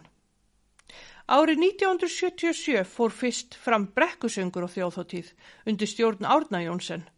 Söngur við varðeld hafði lengi týðkast í Vestmannegjum, þess má geta að orðið brekkusöngur var ekki til í íslensku máli fyrir en að Árni Jónsson bjóð til orðið og hjælt hinn fyrsta brekkusöngu. Þjóðháttíðin skipar stóran sess í lífi eigamanna og er oft miða við að sumari sé búið eftir að þjóðháttíðin er lokið. Þetta er eins og þegar við segjum fyrir og eftir gos, þá notum við líka orðatiltakið fyrir og eftir þjóðháttíð. En því miður var þjóðháttíð 2020 ekki haldin vegna COVID-faraldusins og er ekki útilokað í ár hvort að hún veri haldin eða reyð. Öll mannverkin eru komin upp í dalnum og allt tilbúið, búið að tengja ljós og búið að setja upp götuskiltin og eina sem vantar eru kvítutjöldin og fólkið.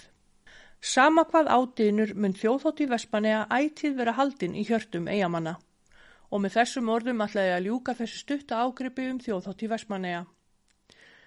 Þjóðhóttiðin lengi lifi. Húra, húra, húra.